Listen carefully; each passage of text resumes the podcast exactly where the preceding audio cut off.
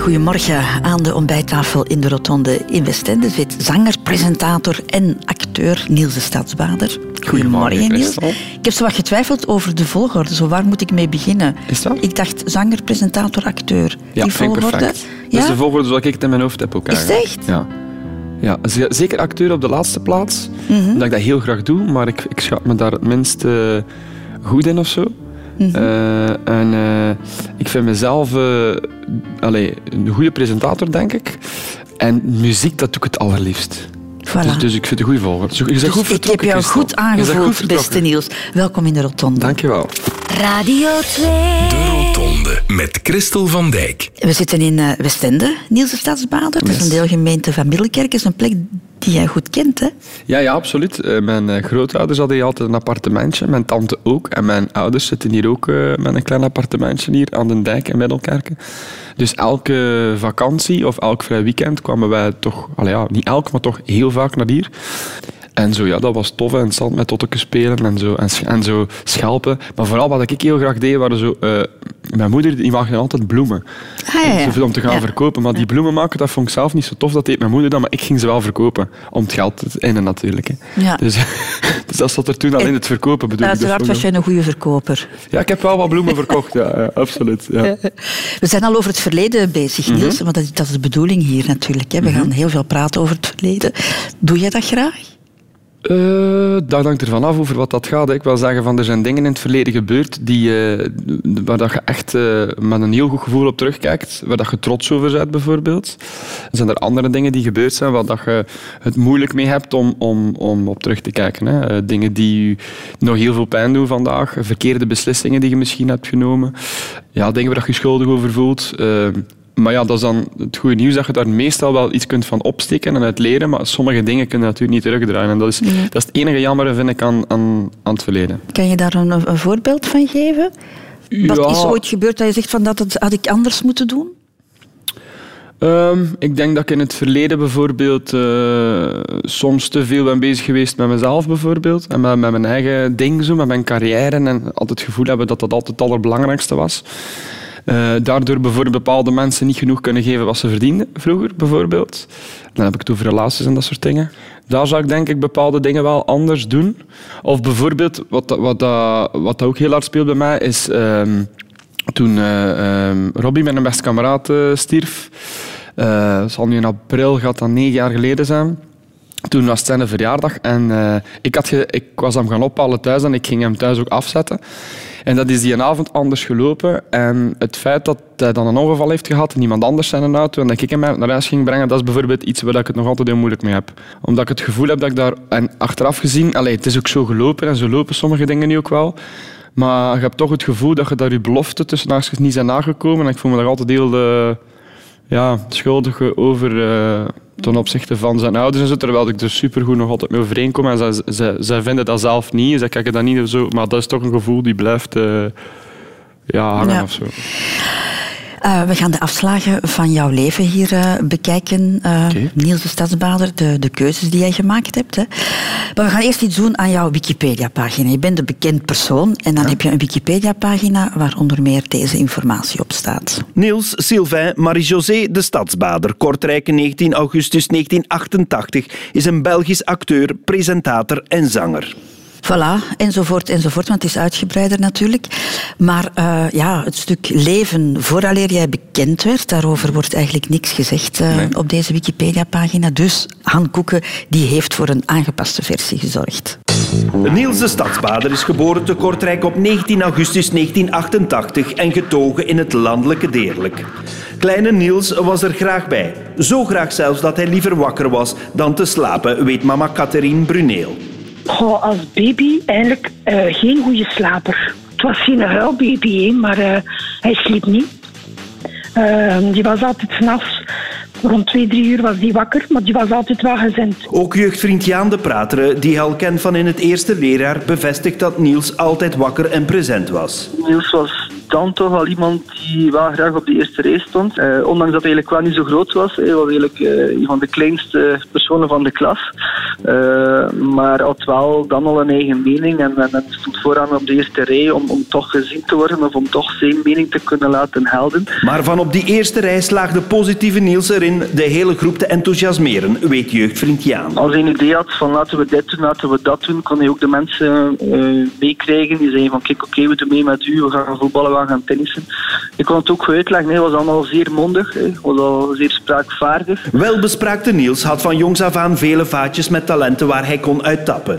Eén daarvan was voetbal, vertelt zijn trotse trainer Alain Himpe. Hij was de topschutter van dat, van dat ploegje. Ja, het was ja, het was, het was gewoon een goalgetter. Uh, het was ook de kleinste van de ploeg, uh, maar technisch heel vaardig. En, en, en voor het doel vond hij altijd zijn plaats en kon hij altijd wel een, een voetje tussen steken. Dus was echt wel een, een goede speler. En niet alleen met de bal wist Niels te scoren. Ook met zijn geslaagde humoristische imitaties zette hij de kleedkamer meermaals op stelten, lag trainer Alain. En toen kwam hij heel vaak ook verkleed als een van de typetjes van, van Chris van den Durpel in de kantine. Dat hij dan uh, Firmin van Genechten of dat hij dan uh, Camille Spissens nadeed. Ja, het zat er toen eigenlijk al in dat, hij, ja, dat dat wel een stukje weggelegd was van, voor hem.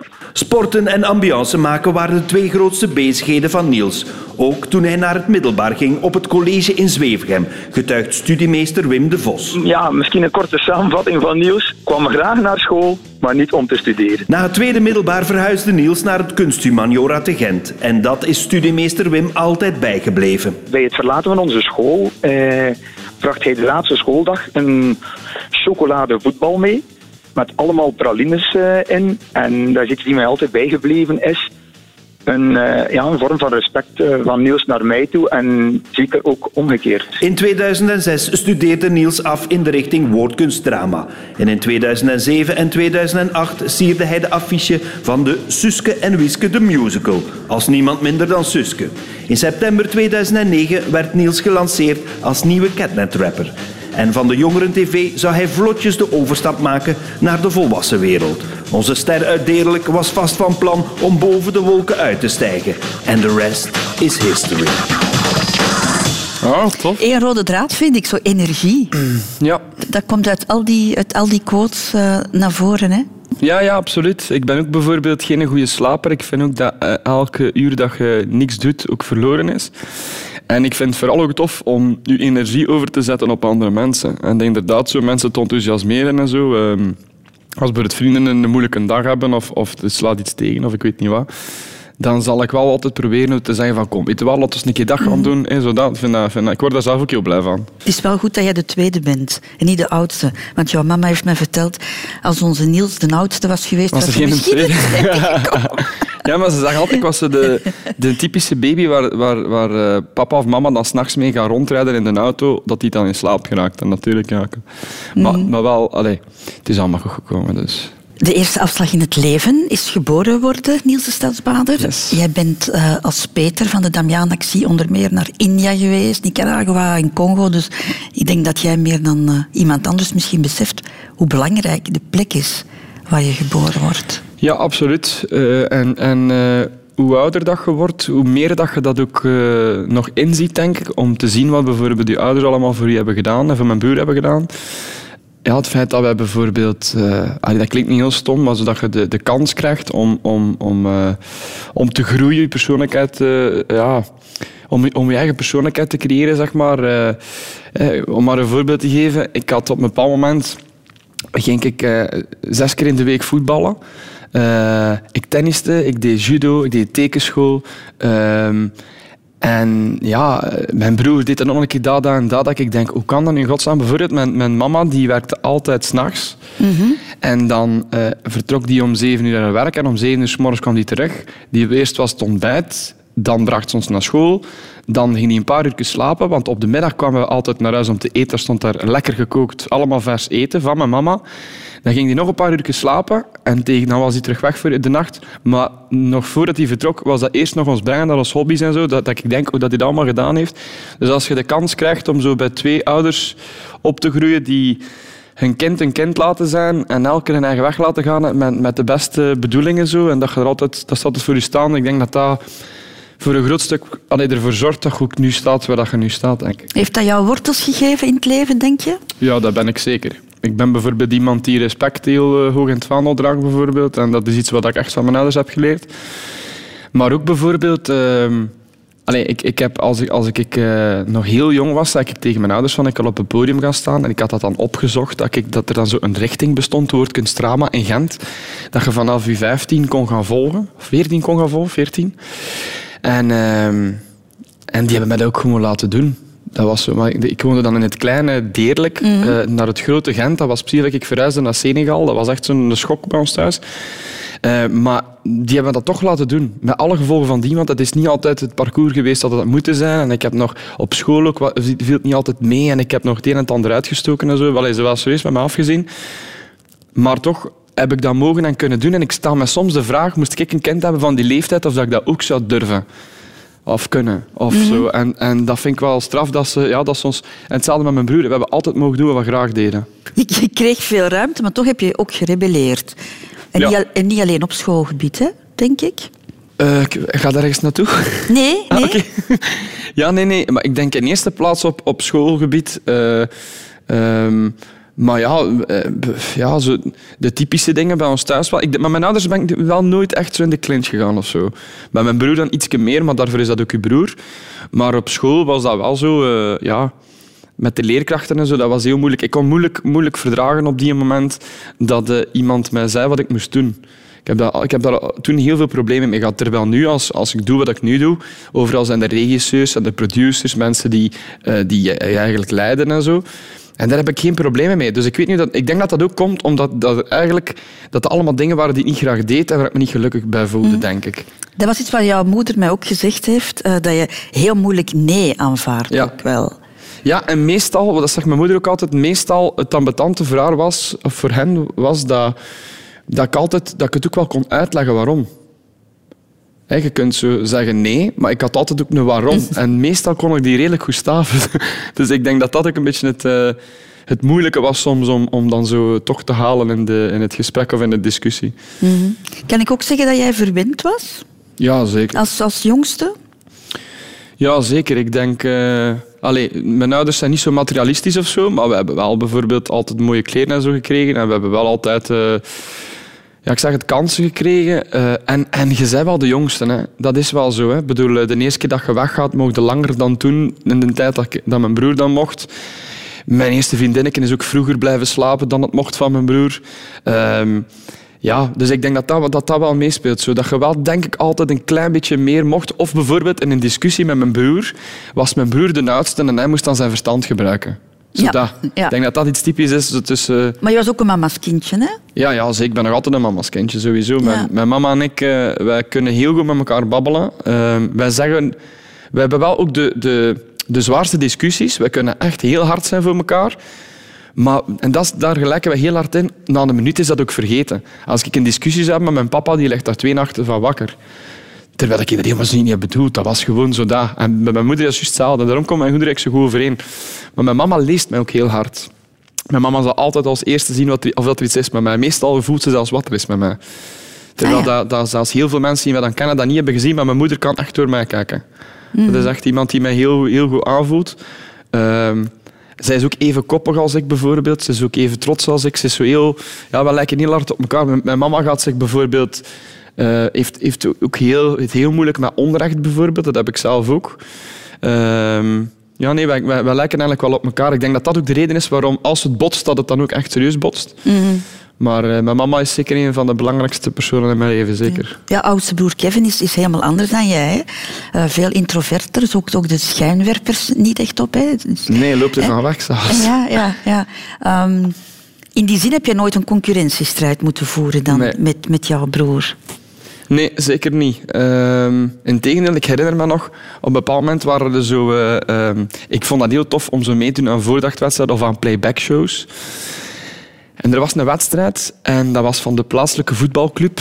En ehm, het was een playback show en ik wou absoluut winnen, dus had ik mij twee keer ingeschreven. In dezelfde wedstrijd. Dus ik was ene keer Helmut Lotti, die dan Thierry Tomba deed met zo'n met Piet Lair. En Rosa en Modest waren toen ook heel populair. Maar ja, die zijn met twee. En uh, toen had ik mijn ouders kunnen overtuigen om mijn broer te overtuigen om mee te doen. En mijn broer, ik weet nog, die wilde zo uh, een stickerboek van het voetbal. En als hij dan dat plezier deed met zijn broer, dan kreeg hij dat stickerboek van het voetbal. En dan heeft hij dat gedaan en we hebben ook nog eens de prijs gewonnen. Dus mijn mhm. broer heeft volgens mij heel zijn leven één keer op een podium gestaan en heeft er een prijs mee gewonnen. Mhm. dus... Um, maar nu is mijn broer, uh, niet alleen mijn broer, want we zijn maar met twee, maar, maar is ook mijn manager. En dat is heel tof om, om zo samen die een droom uit te bouwen. Zo. Maar als gevolg, en voor mijn ouders is het ook heel tof, vroeger was het altijd zo van, hé, amai, uw zoon dat doet het goed. En dan zeiden we altijd, ja, we hebben twee zonen, zeiden ze dan altijd. En nu zeggen de mensen, de zonen doen het goed. En ik denk dat dat voor mijn ouders uh, heel belangrijk is. De Rotonde. Radio 2. Radio 2. We hebben het al even over gehad, uh, Niels de Stadsbader. En uh, jouw studiemeester Wim de Vos heeft het ook gezegd. Je ging graag naar school, hè, maar, maar niet om te studeren. Nochtans, in de lagere school ging het toch allemaal prima? Ja, pas op. In de lagere school ging het allemaal prima tot het vijfde leerjaar. Daar is het eerste, uh, allez, het eerste dingetje zo wat, wat veranderd. ik ging van de jonge school naar een soort gemengde school. En ik herinner me nog heel goed, ik had in het vierde studiejaar, had ik, op het einde van het jaar, had ik 96 procent. Ondertussen is er een hond hier langs de dijk aan het, aan het wandelen. Maar hij gaat ons hopelijk niet te lang aan het lijntje houden. Oeh. Was goed, hè? Um, dus ik had, ik had 96 procent op het einde van het vierde studiejaar. En in het vijfde studiejaar kwamen de meisjes erbij. En ik ben van 96 naar 76 gegaan. Ik ben er nooit meer over gegaan. Dat heeft dus jouw vriend Jan mij ook verteld. Is het echt? Hij zei vanaf toen was het verbrod. Ja, ja dat is zo. Dat Omdat jij toen het gevoel had, ik moet hier wat entertainen? Ja, ik weet het niet. Ik was precies meer geïnteresseerd in de meisjes dan in de lessen, denk ik. Maar ook zo, ja, ik heb wel altijd het gevoel gehad zo, dat ik andere mensen wilde bezighouden of zo. Op een toffe manier, maar... En met die meisjes had je meteen een nieuwe doelgroep. Voilà. En er zijn er veel, hè. en het is zo gebleven, Absoluut. Herinner jij je nog wat je precies stoorde aan school? Eerst en vooral dat stilzitten vond ik ook heel vervelend. Uh, en ook zo altijd datzelfde, diezelfde, zo op hetzelfde uur dat doen en zo ook dat. Ik heb altijd ervan gehouden, en dat is het grote voordeel aan mijn job, zo, dat, dat elke dag er anders uitziet. En inderdaad, zo bepaalde... Het was ook te weinig... Ik hou van drukte.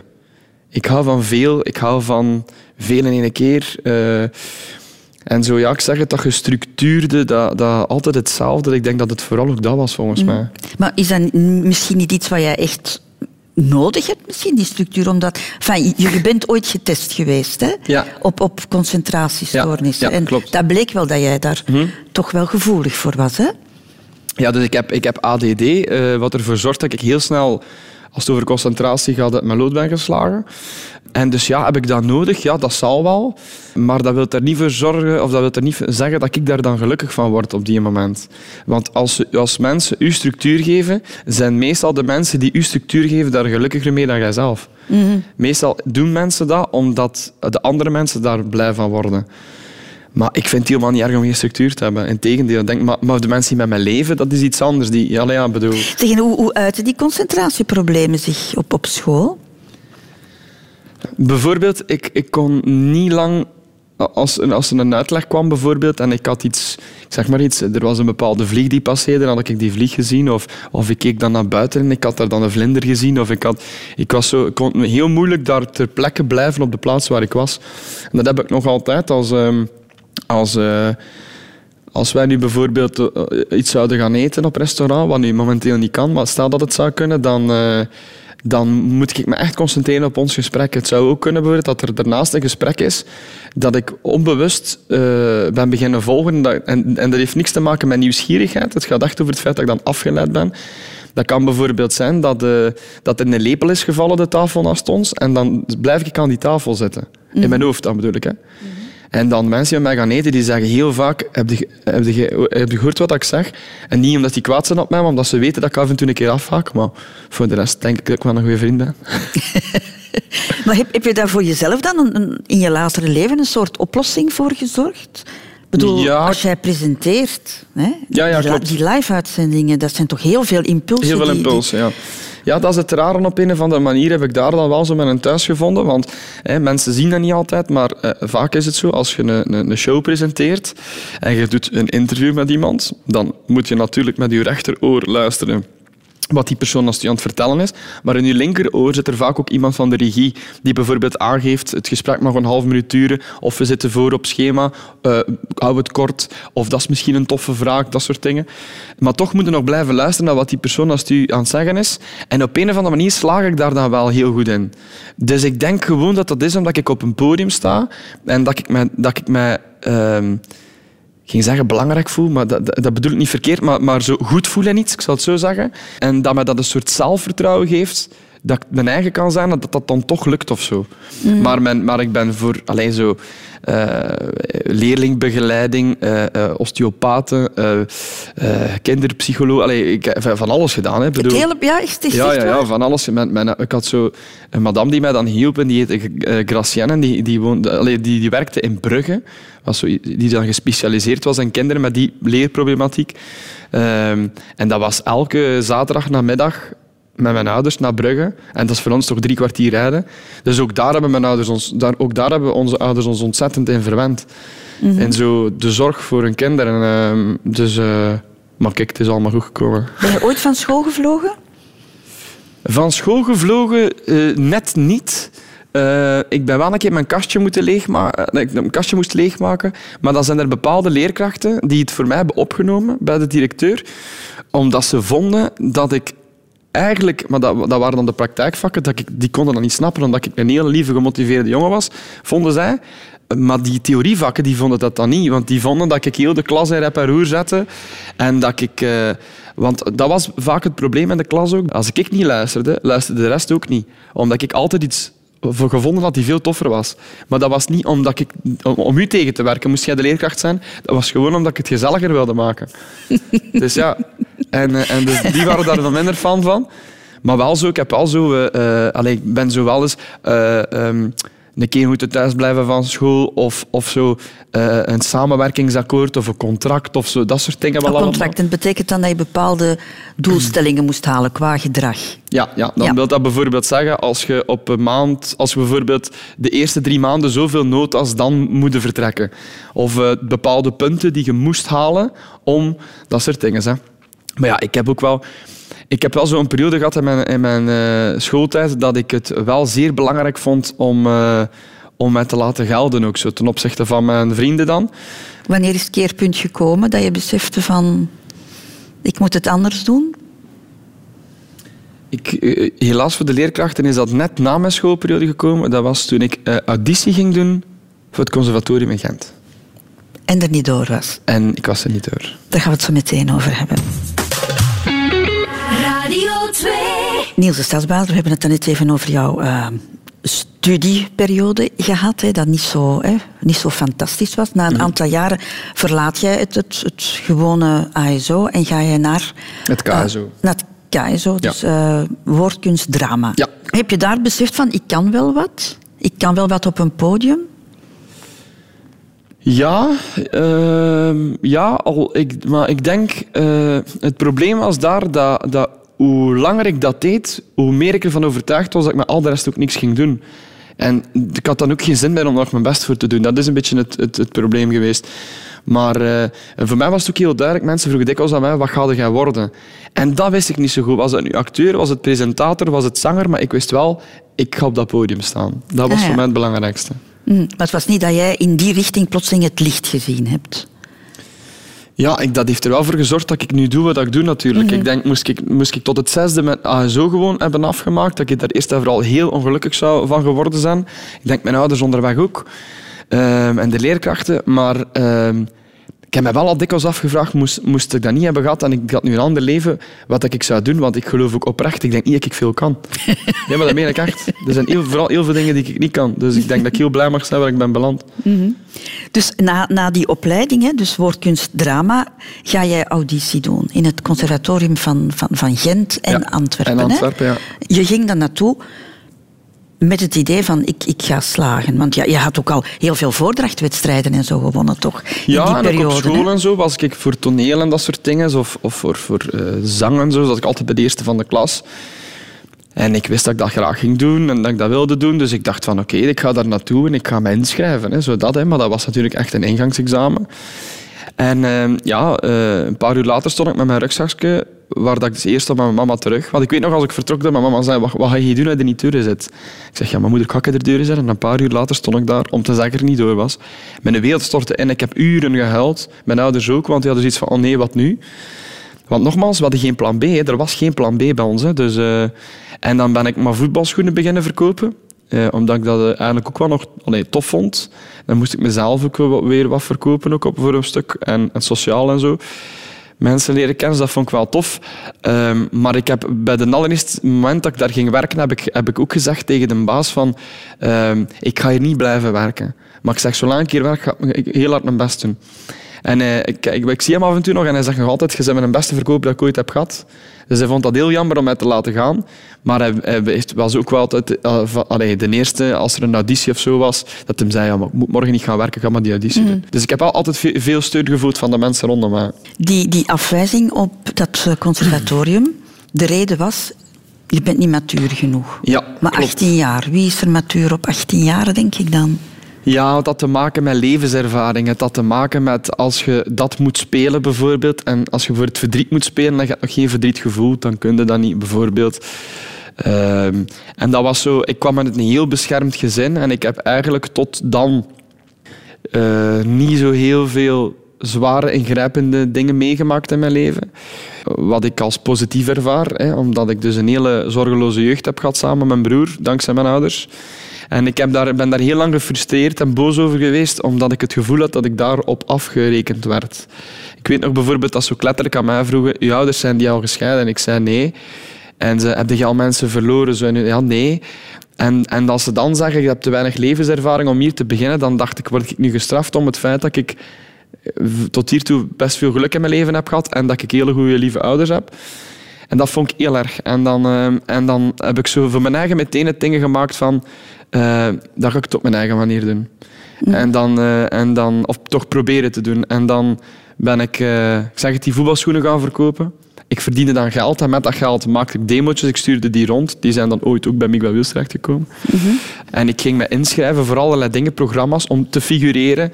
Om in het publiek te staan bijvoorbeeld bij uh, een show waar dat ik dan aan een, een of andere nu collega, maar dan bekende mens die ik dan zelf niet persoonlijk kende, toch een demootje te kan afgeven, dat die dat misschien aan de juiste persoon kon geven.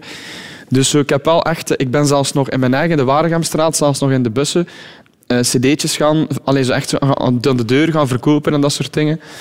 Dus omdat ik wel zoiets had van, dit is mijn droom en ik ga die niet door iemand anders laten afpakken. En ik heb daar nu vooral duidelijkheid. Ik, het is niet dat ik daar, uh, moet ik het zeggen, uh, rancuneus of zo over ben. Hè. Dat nee? is het niet. Nee, nee, nee, dat is het niet. Want, en dat is grappig, de directeur die mij destijds niet heeft toegelaten, is zelf ook acteur. En uh, ik deed de Elfenheuvel, een reeks voor de, voor de jongeren op de VRT.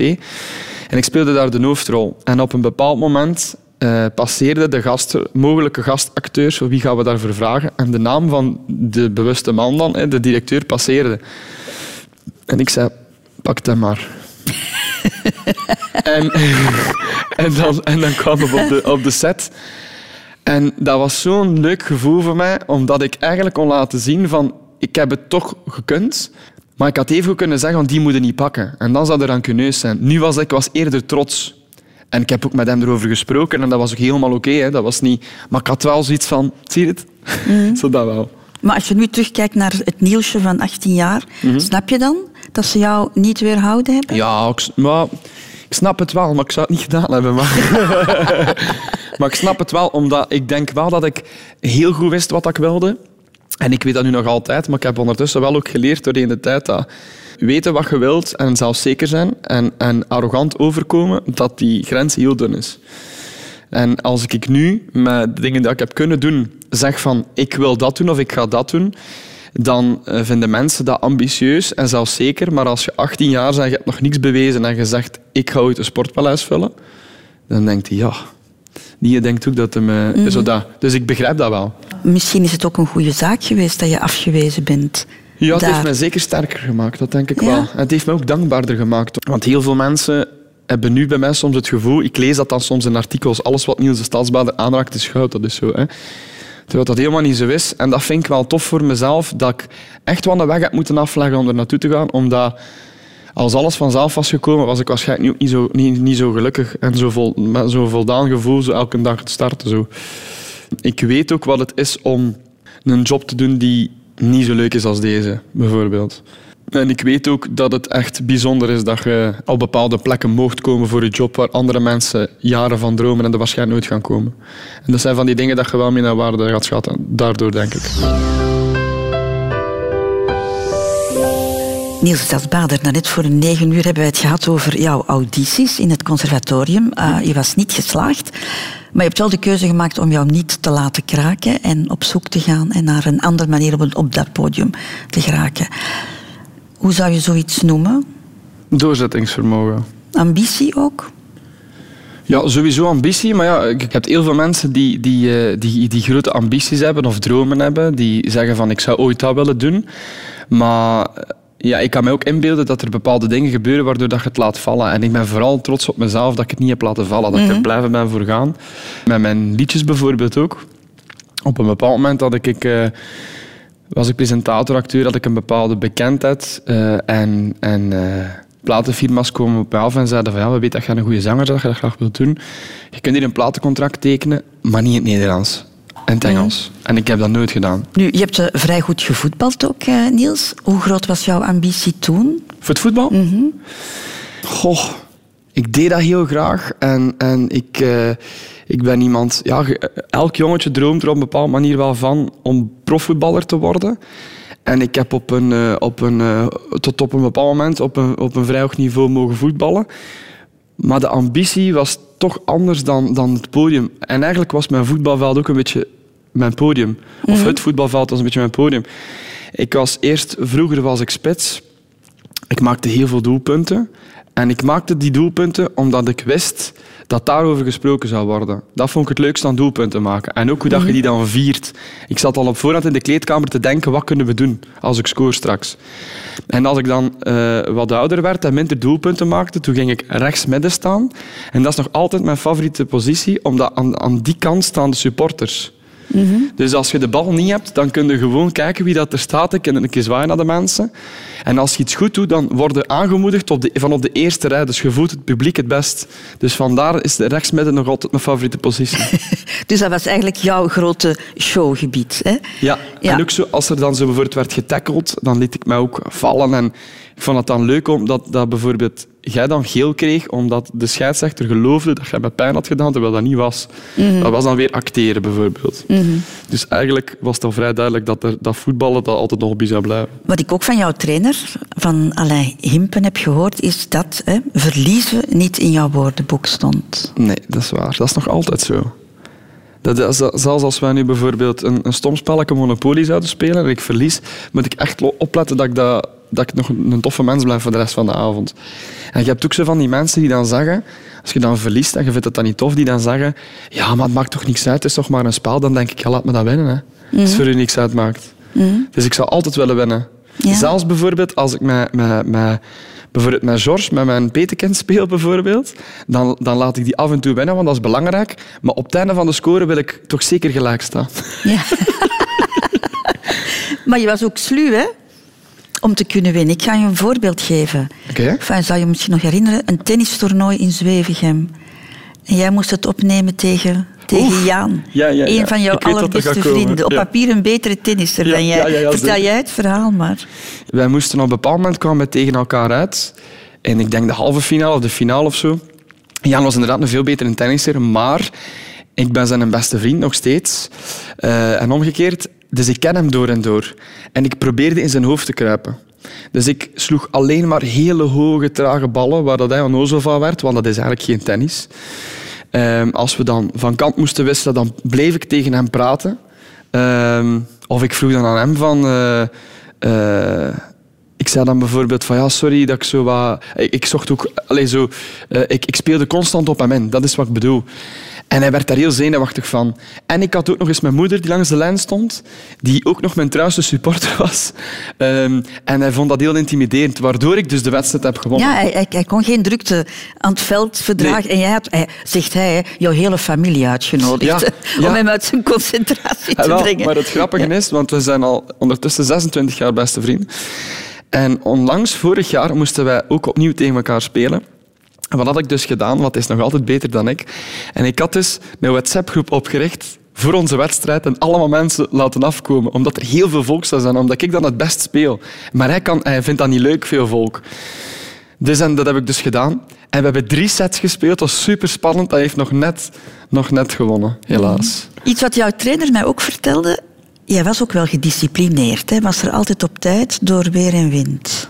Ja, dat had ook te maken met het feit dat ik het graag deed. Maar dat heb ik eigenlijk nog altijd. Um, ik uh, denk dat ik op mijn werk zelden te laat kom.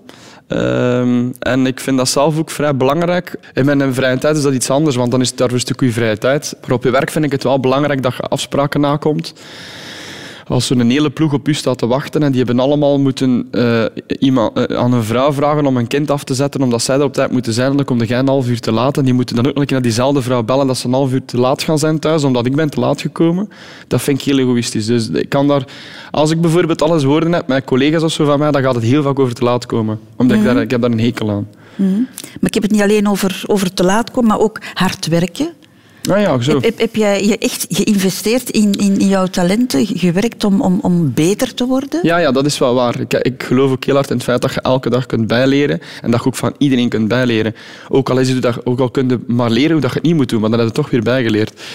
Dus dat vind ik ook het, het meest interessante aan wat ik nu doe, dat ik het gevoel heb dat ik elke dag kan bijleren van andere mensen. Omdat ik dat ook echt heel hard wil. Ik wil elke dag beter worden. En daar werk jij aan? En daar werk ik aan. Ik weet dat ik bepaalde dingen goed kan, maar ik denk dat 50% van waar ik nu sta, is omdat ik heel hard heb gewerkt. Mm -hmm. Je hebt ook mensen die zoveel talent hebben, die dan toch, door echt niet te werken, dan toch niet lukken.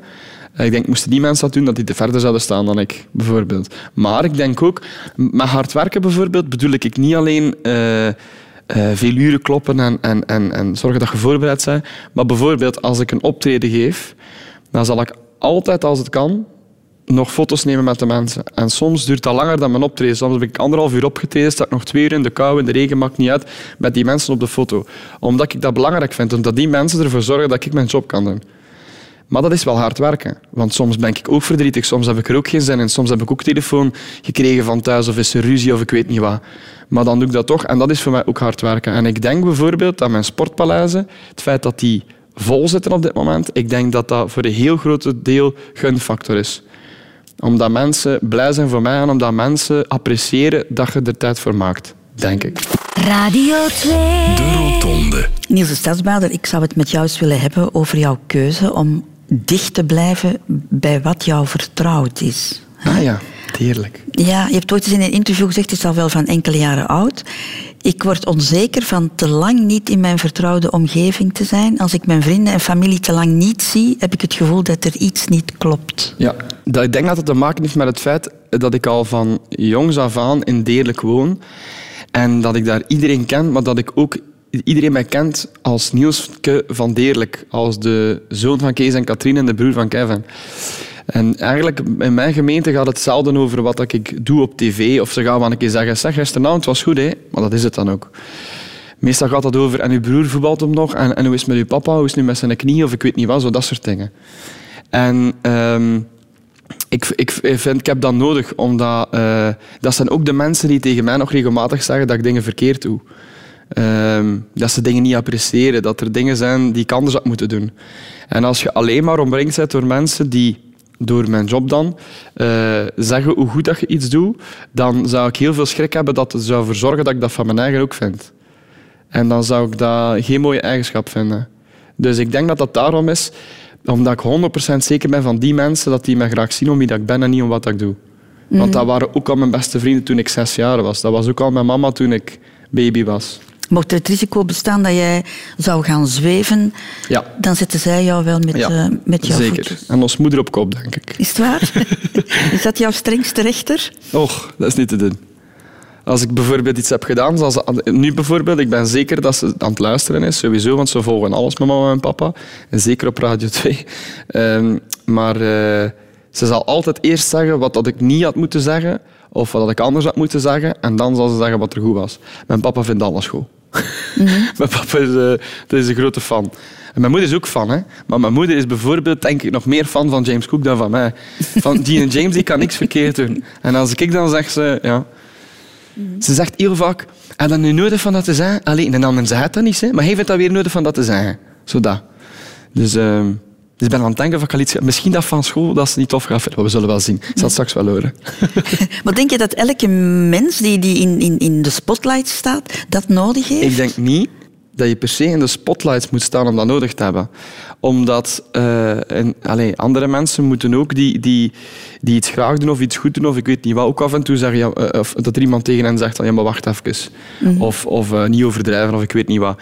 Alleen is het zo dat als je doet wat, wat ik bijvoorbeeld doe, dat, je, dat ik denk meer complimenten krijg dan de gemiddelde mens. En daardoor zouden er sneller voor kunnen... Uh, allez.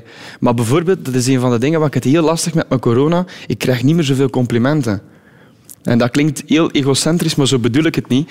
Maar als je zo elke dag al jaren, jaren een stuk het, het gevoel hebt dat je in iets goed bent, wat dat mensen geweldig appreciëren van je, dat je, dat je toch iets... Ja, dat je je speciaal voelt, zeg maar.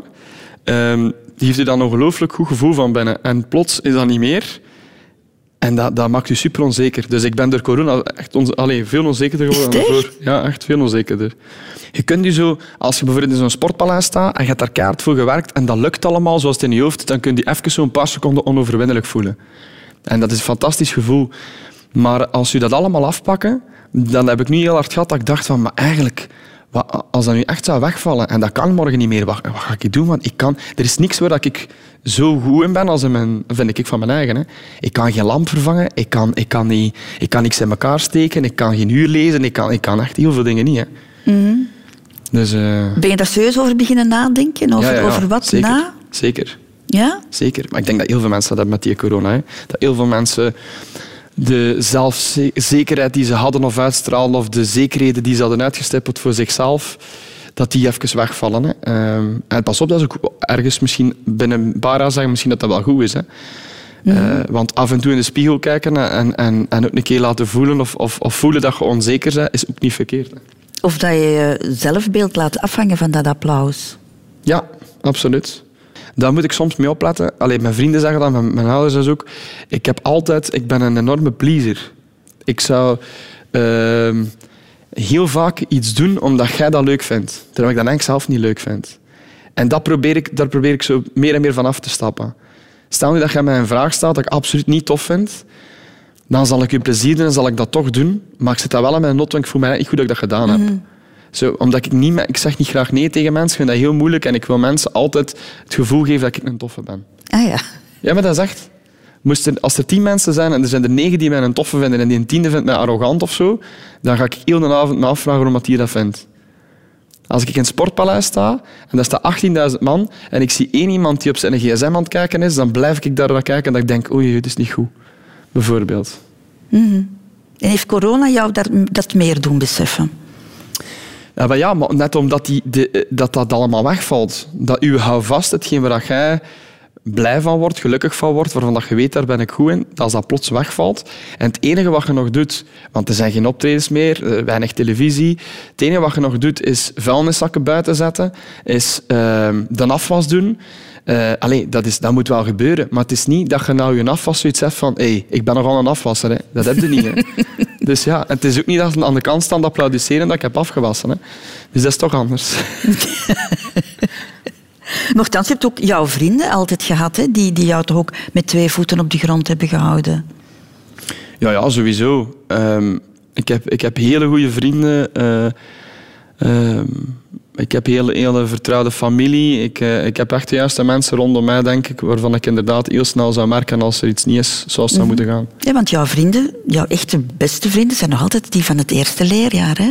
Ja, klopt. klopt ja. Mijn, mijn twee allerbeste vrienden, Jaan en Robbie. Robbie is dus gestorven een aantal jaar geleden, maar Jaan en, en, en Robbie en ik, we waren altijd zo met drieën. Dat was, wij deden alles samen. Uh, we zaten dezelfde voetbalploeg, we tennisten samen, uh, gingen samen gitaarles volgen, muziekschool, altijd dezelfde lieve. Ik was altijd de eerste, dat is belangrijk. Nee, nee. Uh, maar ik wat dan op. Maar uh, nee, dus wij, wij, ja, wij, wij hebben een heel bijzondere band. En ehm, dat is ook een van die vriendschappen die alles aan kan, denk ik want er zijn al dingen gebeurd, zoals in elke vriendschap. Maar net omdat wij zo hard elkaar kennen en zo hard elkaar graag zien, uh, omdat wat wij hebben, eh, dat is echt bijzonder. Hebben wij bijvoorbeeld ook uh, vorig jaar een, een, feest gegeven, toen dat nog mocht. niet voor onze verjaardag, maar omdat we 25 jaar beste vrienden waren. En ik belde hem en ik zeg, ik zeg Matje, ik zeg, weet je dat we de 25 jaar beste maten zijn? Ik zeg, dat is toch de max? Wie kan er dan nu zijn? Ik zeg, maar een feest te geven. Want we hebben ze nogal, vanaf dat we een feest kunnen geven, geven we een feest. Dus vonden dat een goede reden. Ik ben nog altijd blij dat we gedaan hebben. Mm En dan vind jij het woord trouw, wat ik voor negen uur zei, eigenlijk niet goed gekozen. Dan zei jij loyaal. Ik vind dit zeer trouw. Ja, ja, ja, trouw ook. Ja, dat is waar, trouw ook. Maar loyaal ook, hè. En daarmee bedoel ik van, je hebt het trouw zijn, eh, als een, bijvoorbeeld het voorbeeld aan u geef, maar loyaal zijn vind ik ook superbelangrijk, want ik vind dat toch niet helemaal hetzelfde. Als je bijvoorbeeld, uh, als er mensen zijn die toen je nog heel klein waart, u toen hebben geholpen met iets, uh, ik zeg maar iets, een klein winkeltje die u ooit twee truien cadeau heeft gedaan om een keer op tv aan te doen. En toen was er niemand in u geïnteresseerd. En nu staan al die grote merken daar voor u van, hey, wilde jij ons gezegd zijn? Ja, dan ga ik naar dat klein winkeltje. Omdat ik denk van jullie wel van bij het begin bij. En dat is loyaliteit. Dat vind ik dan nog iets anders. Dat vind ik even belangrijk. Een heel persoonlijke afslag in het leven, Niese Stadsbader, dat is de liefde. Hè? Hmm. Jij komt uit een generatie waarin heel wat kinderen hun ouders uit elkaar zagen gaan. Hè? Jouw ouders zijn nog altijd samen. Ja, klopt. Heb je daar ooit schrik voor gehad? Nee. Nee, totaal niet. Ik, uh, nee, en ik denk eerlijk gezegd dat ze nu ook niet meer uit elkaar gaan gaan, denk ik. Uh, ik denk dat ze nog heel hard uh, geloven in het feit van we hebben voor elkaar gekozen. We hebben ooit beloofd aan elkaar dat dat ook zou zijn als het minder goed gaat met een van ons of met elkaar. En die hebben ook soms ruzie. Ik bedoel, um, soms, en ik heb, soms heb ik ook al gedacht van... Ja, is dat, wat is een ideale match? Hè? Wat is dat eigenlijk? Als ik naar mijn mama en mijn papa kijk, die zijn al uh, wat is dat ondertussen? 30 jaar, 35, ik weet het al niet meer, maar echt veel te, alleen niet veel te lang, maar heel lang samen. En is dat een ideale match? Ja, ik denk dat eigenlijk niet, maar die zien elkaar ongelooflijk graag. En dat is een fantastisch team en die doen dat heel goed. Dus ja, die hebben dat goed gedaan. En, en, en ergens streefde daar ook wel naar, of hoopte dat dat zelf ook wel kan overkomen. Mhm. Alleen denk ik dat de tijden nu veranderd zijn voor een stuk. Ik denk dat mensen elkaar sneller loslaten en dat mensen sneller zoiets hebben. Het is toch niet helemaal wat ik ervan verwacht had, dus is het beter om met elkaar te gaan. Ik denk dat dat een beetje nu iets van onze generatie is, denk ik. Mm, maar het blijft wel jouw ideaal. Hè? Het, het, het, het ideaal van jouw ouders, een heel leven lang samen blijven. Ja, ja, maar zij hebben ervoor gekozen om het al te doen op een, wat was het, 18 of 19 of zo. Nou, ik ben toch blij dat ik, even, dat ik toch even uh, een tijd gepakt heb. Dus twee vaste relaties hè, die, die, die stuk gelopen zijn. Zit daar een rode draad in, in, in, in het feit dat dat misgelopen is? Ja, zeker. Dat is omdat ik veel te weinig ben thuis geweest. Sowieso. Um, en ook te hard Alleen, nee, ik mag dat eigenlijk niet zeggen. Ik ging zeggen dat te hard ben gegaan voor de dingen die ik nu wil, maar ik, ik kan ook niet zeggen dat ik, daar, dat ik daar spijt van heb, want ik ben ervan overtuigd, dat zijn mensen die zwaaien ondertussen op de dek, uh, want ik ben ervan overtuigd dat, uh, dat, dat als ik dat niet had gedaan, dat ik ook nooit kon staan waar ik nu sta. Maar ik weet wel dat ik er mensen op die moment mee gekwetst heb, terwijl dat totaal mijn bedoeling niet was. Om een voorbeeld te geven, verschillende jaren geleden uh, moest Clouseau optreden voor Radio 2. Ze gingen een medley doen. Ik denk dat het zomerrit was. Het was in elk geval met veel volk. En uh, Koen gaat een dag ervoor door zijn rug. En de, de broers bellen mij om te zeggen, we kunnen dat niet meer afzeggen. Uh, maar er is maar één iemand dat wij denken die dat kan, of dat wij vinden dat dat, dat, dat zou mhm. moeten doen. En dat zeiden jij, kunde jij morgen. Maar ik was toen nog heel jong. Um, en ik weet nog, de, de volgende dag trouwde de broer van mijn vriendin toen. Voor de wet, weliswaar. Dus ik weet nog dat ik neerlegde en dat ze zei, wat is? Je zo blij. Ik zeg, ja, ik, zeg, ik weet nog dat ik zei, hoe oud is... Maar ik was toen nog heel jong. Hè. Uh, en dat was zo'n voorbeeld voor mij. En... Uh, ik zeg, ja, ik zeg, Koen heeft mij gebeld om te vragen of dat ik hen wil vervangen op zomerheid. Zodat. En, uh, oh, is het echt? Oh, ik weet niet, tof. En wanneer is dat? Ik zeg, morgen. En ik zie haar gezicht veranderen, omdat hij zoiets heeft, maar mijn, mijn broer trouwt morgen. Ik zeg, ja, ik weet het, maar dit moet ik wel echt even doen. Want ik weet, als ik dit doe, dan gaat dat misschien zorgen dat. En dan ben ik dus wel nog gegaan, maar dan ben ik later toegekomen en weet ik wat allemaal. En dat zijn stomme dingen, maar als je dan al nooit thuis bent, en dat is dan het enige wat dat zij eigenlijk op die moment vraagt van wilde, mhm. en de dag ervoor besliste dan toch om eerst nog iets anders te doen, dat zijn volgens mij de dingen die ervoor gezorgd hebben dat het anders is gelopen. En, en uh, wat dat het ook niet makkelijker maakt om, uh, om iemand te hebben, dat is het feit dat je altijd overal waar je komt tussen het publiek bezit zet. Hè. Als je bijvoorbeeld uh, niet veel thuis bent en je gaat dan een keer iets eten en er staat dan een hele avond iemand anders aan je tafel, of, of je moet nog voordat je vertrekt om naar huis te gaan, om samen in bed te gaan kruipen, eerst nog foto's pakken, dan, dan heb je het gevoel van vroeger was dat niet. En ik weet dat dat... Uh, vroeger was dat ook niet. En ik weet dat dat ook heel lastig is om, uh, om te voelen en te hebben voor die personen dan. Vind jij het makkelijk om jouw geliefde los te laten? Nee. Een breuk? Nee. Ik kan zeggen eigenlijk dat uh, al mijn ex-vriendinnen nog altijd hele goede vriendinnen zijn. Ik heb een vriendin waar ik getuige ben geweest op haar trouw. Ik heb een uh, vriendin, alleen een ex-vriendin, waar ik Peter ben van haar uh, kindje. En uh, mijn, mijn laatste relatie die is stuk gelopen, uh, heeft, heeft intussen ook een, een kindje met iemand anders. En ik was na haar ouders de allereerste die naast haar stond. Die zitten heel diep in mijn hart, omdat ik ook weet dat ook zij een heel groot deel hebben in waar ik nu sta. Dat zij daarmee hebben voor gezorgd en dat zal ik ook nooit vergeten. Je hebt ondertussen een, een, een nieuwe relatie, hè, waar je voor het eerst echt openlijk mee ja, voor de dag bent gekomen. Hè? Nou, het is te zeggen, er waren bepaalde uh, journalisten die al een tijdje zo uh, dingen uh, waren te weten gekomen en dan willen ze dat graag schrijven. Ik heb er altijd voor gekozen om daar niet te openlijk over te spreken, omdat ik ook vind dat dat een deel is ook van, van, van mijn privé dan. Maar ik heb wel dan op een bepaald moment heb ik, heb ik een foto gepost om te zeggen van kijk, effectief, het is zo. Je stond wat onder druk. Als jij het niet deed, dan zouden de journalisten het gedaan hebben. Ja, ja, ja dat sowieso. En dan, ja, dat is nu raar om te zeggen, maar je lief dan ook dat een schone foto is. Hè, ja. ja, ja, maar dat is zo. Hè, bedoel, dat is ook zo. Hè. Dus, ja, dus dan denk je van, ja, weet je, dan zullen we dat al vermijden. dus nu, nu, is dat ook, allee, dat is ook helemaal, daar is niks mis mee. Integendeel, ik ben, ben daar heel blij om. Maar, uh, maar het is nu niet zo dat ik, dat, dat ik daar nu ambieer om daar nu superveel over te babbelen of zo. Mm. Zitten kinderen nog in jouw levensplan? Um, ja, zeker. Omdat ik ze heel graag zie en omdat ik ook denk dat ik uh, een goede papa zou zijn. Maar ik durf er ook niet zeker ja op zeggen, omdat, ik ook, omdat je nooit weet hoe dat loopt in het leven natuurlijk. Maar ik zou het wel fijn vinden, ja, absoluut. Maar je zet er geen datum op? Nee, maar het ding is dat... Uh, want dat heb je dan ook met een lief die ouder is, die zegt, ja, ja, hé, jij kunt het uitstellen. Zodat, dus er staat geen datum op, maar ik heb al een maximumdatum gekregen. dus het toch, als, als het gebeurt met, met, uh, met haar, allez, wat dat de bedoeling is uiteraard, dan uh, zou het toch voor mensen allez, binnen drie jaar moeten zijn en toch zeker niet veel later. Want je broer heeft twee kinderen, dus je weet wel wat, wat voor emoties dat losmaakt, kinderen. Ja, ja zeker, zeker. Ik ben uh, allee, helemaal weg van, van, van George. En hij heeft nu een klein broertje nog daar, die ik helaas al veel minder heb kunnen zien door de situatie natuurlijk. Maar als ik zie hoe dat bijvoorbeeld mijn broer als persoon is opengebloed sinds zijn papa is, als ik zie hoe, ja, hoe dat zo'n kind uw dag helemaal kan maken door iets te zeggen, door iets te doen, hoe ontwapenend dat kan zijn, dan, dan kan ik me heel hard voorstellen dat het een heel bijzonder gevoel is. Want ik heb dat vaak, ik zei nog tegen mijn broer een paar weken geleden, als ik zie hoe graag ik, dat ik George zie, hoe dat ik daar al... Ik zei, man, moest er iets mee gebeuren, ik zou daar kapot van zijn. En dat is niet eens mijn eigen zoon. Dus ik denk dat je dat echt pas kunt weten als je zelf kinderen hebt. Je bent er nog maar 32, Niels de Stadsbader. Van je wordt er dit jaar uh, eh, 33, heel jong nog. En eigenlijk uh, zou op die laatste afslag van het leven uh, heel ver van je bed moeten liggen, hè? Mm -hmm. de dood. Maar dat is bij jou niet het geval. Hoe vaak ben jij daar al niet mee geconfronteerd? Met mensen die sterven?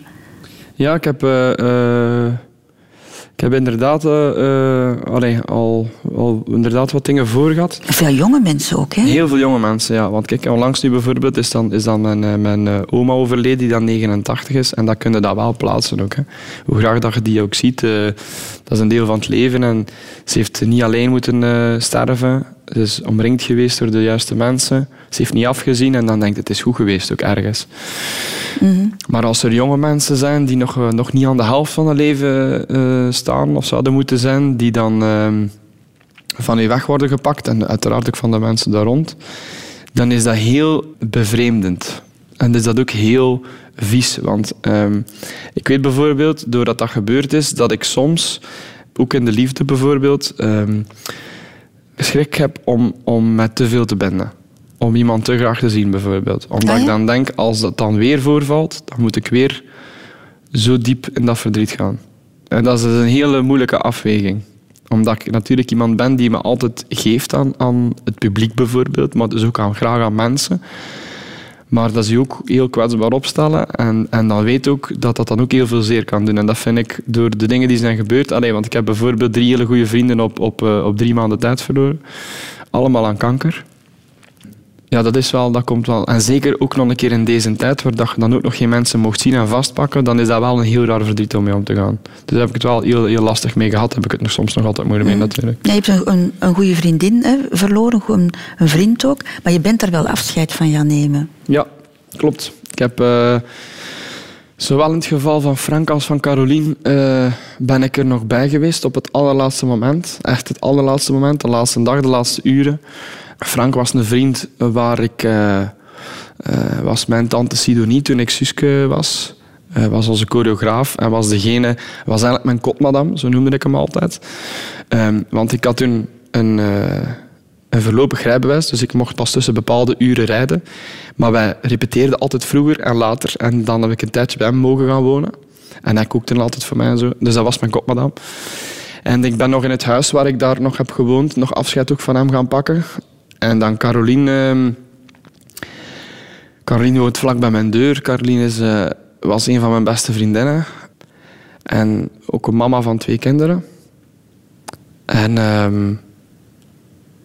daar uh, heb, ik het, uh, heb ik het ook nog altijd heel moeilijk mee. Omdat die kinderen dan nu geen mama meer hebben. En daar heb ik een, ehm, heb ik een liedje voor geschreven. En dat heb ik haar nog kunnen laten horen op het allerlaatste moment. En dat was wel, daar ben ik wel heel blij om, dat ik dat nog heb kunnen doen. Um, omdat ik, omdat ik, ik heb een liedje geschreven over het feit uh, dat ik vind hoe ongelooflijk sterk dat ze is. Ze is tot op de laatste dag is ze altijd blijven vragen hoe het met iemand anders was. Heeft nooit één dag geklaagd. Terwijl ze blijkbaar heel veel pijn moet gehad hebben. Heeft ook altijd in functie gedacht van haar kinderen, van haar man, van haar gezin. En daar heb ik een liedje over geschreven. En ik ben heel blij dat ik dat nog kunnen laten horen omdat dat soms gemakkelijker is op die manier om iemand te, eh, te laten voelen hoe belangrijk die voor je is. Alleen voor mij toch. Waarom wou je per se nog die laatste fase meemaken? Want dat is wel heel confronterend, hè? Ja, omdat ik, omdat ik op die moment er ook wil zijn, denk ik. Omdat ik denk, moest ik ooit daar zo liggen, dan zou ik dat ook willen. Want het is heel veel emotie. Sommige mensen willen emotie uit de weg gaan. Hè? Mhm. Ik heb er daar schrik van. Ja, ik weet het, maar... Allee, dat is inderdaad heel ingrijpend en heel zwaar op die moment voor jezelf. Maar ik denk dat die andere persoon daar heel veel aan heeft. En dat is het allerlaatste moment dat die nog gaat weten of gaat voelen. En dan denk ik, dan moet je er maar even over zetten. Zorg gewoon dat je, dat je erbij bent. En om plus ook dat je nog ene keer de kans krijgt om te kunnen zeggen hoe belangrijk iemand voor je is geweest. Zeker in deze tijden, want in het geval van Caroline bijvoorbeeld, zijn er ook heel veel vrienden die geen afscheid hebben kunnen nemen. En dan voel ik me toch, dan ben ik toch heel dankbaar dat ik dat wel heb kunnen doen. Want um, Caroline was heel zwaar aangetast, ook uiterlijk. Was een hele trotse vrouw. En um, ja, ze was echt superveel vermagerd. Ze, ze, zag er ook heel ziek uit. En zij wilde helemaal niet dat de mensen haar zo zouden zien. En als zij dan zegt tegen haar vent van, vraag eens aan Niels, ik zou graag één keer nog Niels zien. Ja, dan vind ik, allee, dan heb ik het gevoel dat... ik- dat allez, dat geeft me dat wel een bijzonder gevoel, ja. Dan denk ik ook dat ik een hele goede vriend ben geweest. Ik heb me wel afgevraagd, Niels, hoe dat jij dit, het, het voorbije jaar eigenlijk verwerkt hebt. Hè? Want het waren die twee vrienden. Je hebt Johnny Voners, eh, jou- jouw collega, Jan- Mhm. jouw grootmoeder. Kan je nog wel enigszins plaatsen, maar ik vind dat gewoon, gewoon te veel Ja. voor ene jongen. Ja, dat is, ja. Maar ja, je kiest dat natuurlijk niet. En, en ehm, ik denk ook dat ik dat nog, niet helemaal verwerkt heb, sowieso. eh. maar eh, ja, je kunt er niet veel, je kunt er niet veel aan veranderen. Je kunt alleen maar eh, af en toe nog eens de liedjes opzetten die aan die mensen doen denken. Of de boeken lezen die je van hen hebt gekregen. Of, eh, of wat dat ik probeer te doen. Ik probeer... Ik ga regelmatig gaan wandelen met Annemie, dat is dan de vrouw van Johnny. Ik stuur regelmatig eens een berichtje naar de zus van Frank. En ik eh, bel elke... Of ik stuur elke week met, met, met Dave, met de papa... eh, de, de man, sorry, van Caroline. En dat is mijn manier om dat te verwerken. Want ik, zolang ik hen niet loslaat, laat ik hen ook niet los, denk ik dan. Heeft het jou doen nadenken over, over jouw eigen sterfelijkheid ook? Nee, dat niet, nee. Omdat ik daar eigenlijk ook niet mee bezig ben. Ik denk, denk, er is maar één ding dat ik niet zou willen doodgaan, dat is eenzaam. Als ik zo helemaal alleen zou moeten doodgaan, dan zou ik wel... Allee, ja, ik zou natuurlijk ook niet willen allee, ja, verdrinken of verbranden. Of, allee, dus allemaal niet, ik wil ook niet te veel zeer hebben, want ik, kan, allee, ik heb nog wel een klein zeer genoeg, dus dat moet ook niet. Maar, eh, maar, ehm, maar ik wil maar zeggen van, ik ben daar... Het is niet zo... Je hebt heel veel mensen die dan zeggen van, hey, je moet genieten van, van de momenten en dat soort dingen. Maar ik denk dat ik dat sowieso al deed. Wat ik wel merk, is dat we nu sneller tegen elkaar zeggen, de vrienden dan bijvoorbeeld, want mannen zeggen dat niet vaak tegen elkaar. Allee, of wij, wij toch, onze vrienden toch. Dat we veel rapper gaan zeggen van, ik zie u graag. Bijvoorbeeld. Of wij gaan ook altijd bellen of sturen of iemand goed is thuisgekomen, bijvoorbeeld. Of zo. Wij zijn wel zorgzamer voor elkaar geworden, denk ik. Je hebt het moeilijker met de sterfelijkheid van iemand anders dan met je eigen sterfelijkheid. Ja, ik denk ook, dat is nu raar om te zeggen, maar ja, dat is ook niet waar natuurlijk. Maar moest er nu met mij iets overkomen, dan zou ik natuurlijk ook veel mensen met verdriet achterlaten. Maar zo zeker zo mensen met kinderen, dat, dat ligt voor mij heel gevoelig. En, en, en ik denk ook, ik heb eigenlijk, moest er nu morgen met mij iets gebeuren, ik heb een fantastisch leven gehad. Nu al. Maar ja, ik heb, ik weet niet, toffe familie, ouders. Ik ben graag gezien door heel veel mensen. Ik heb een fantastische job. Ik heb al superveel dromen mogen waarmaken. Maar ik zou het liefst, vooral duidelijk, ik wil nog blijven leven. Hè. Het is geen oproep. Maar, eh, het is geen warme oproep die ik doe. Hè. Maar, eh, maar ik wil zeggen, ja, er zijn nog heel veel dingen dat ik wil doen. Maar moest het nu morgen gedaan, zou ik, zou ik supergelukkig doodgaan, denk ik. Maar het mag gewoon niet te veel zeer doen.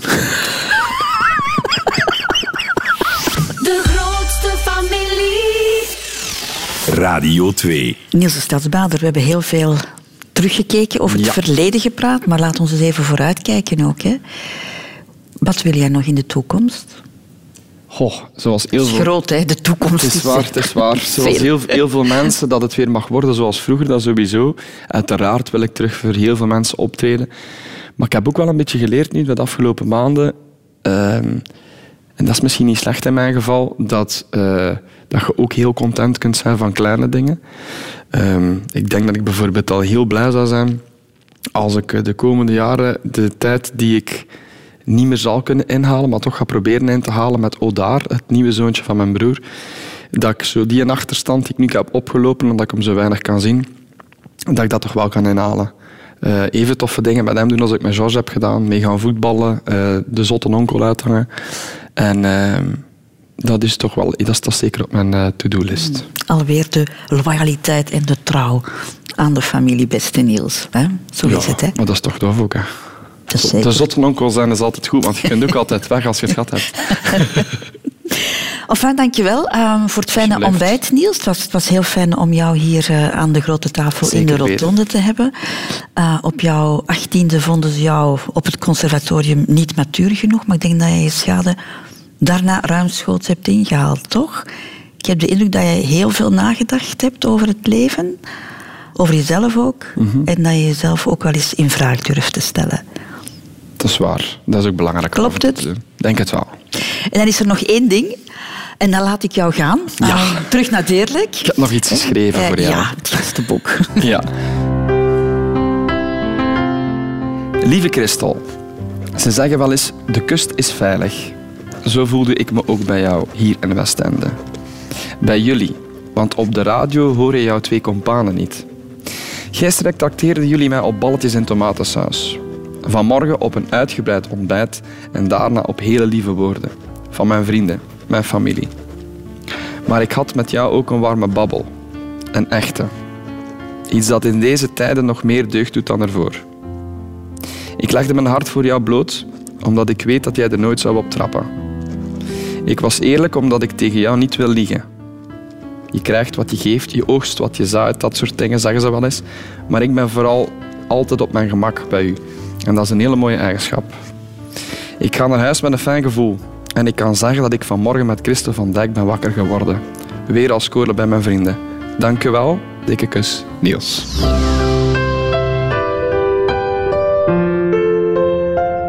Radio 2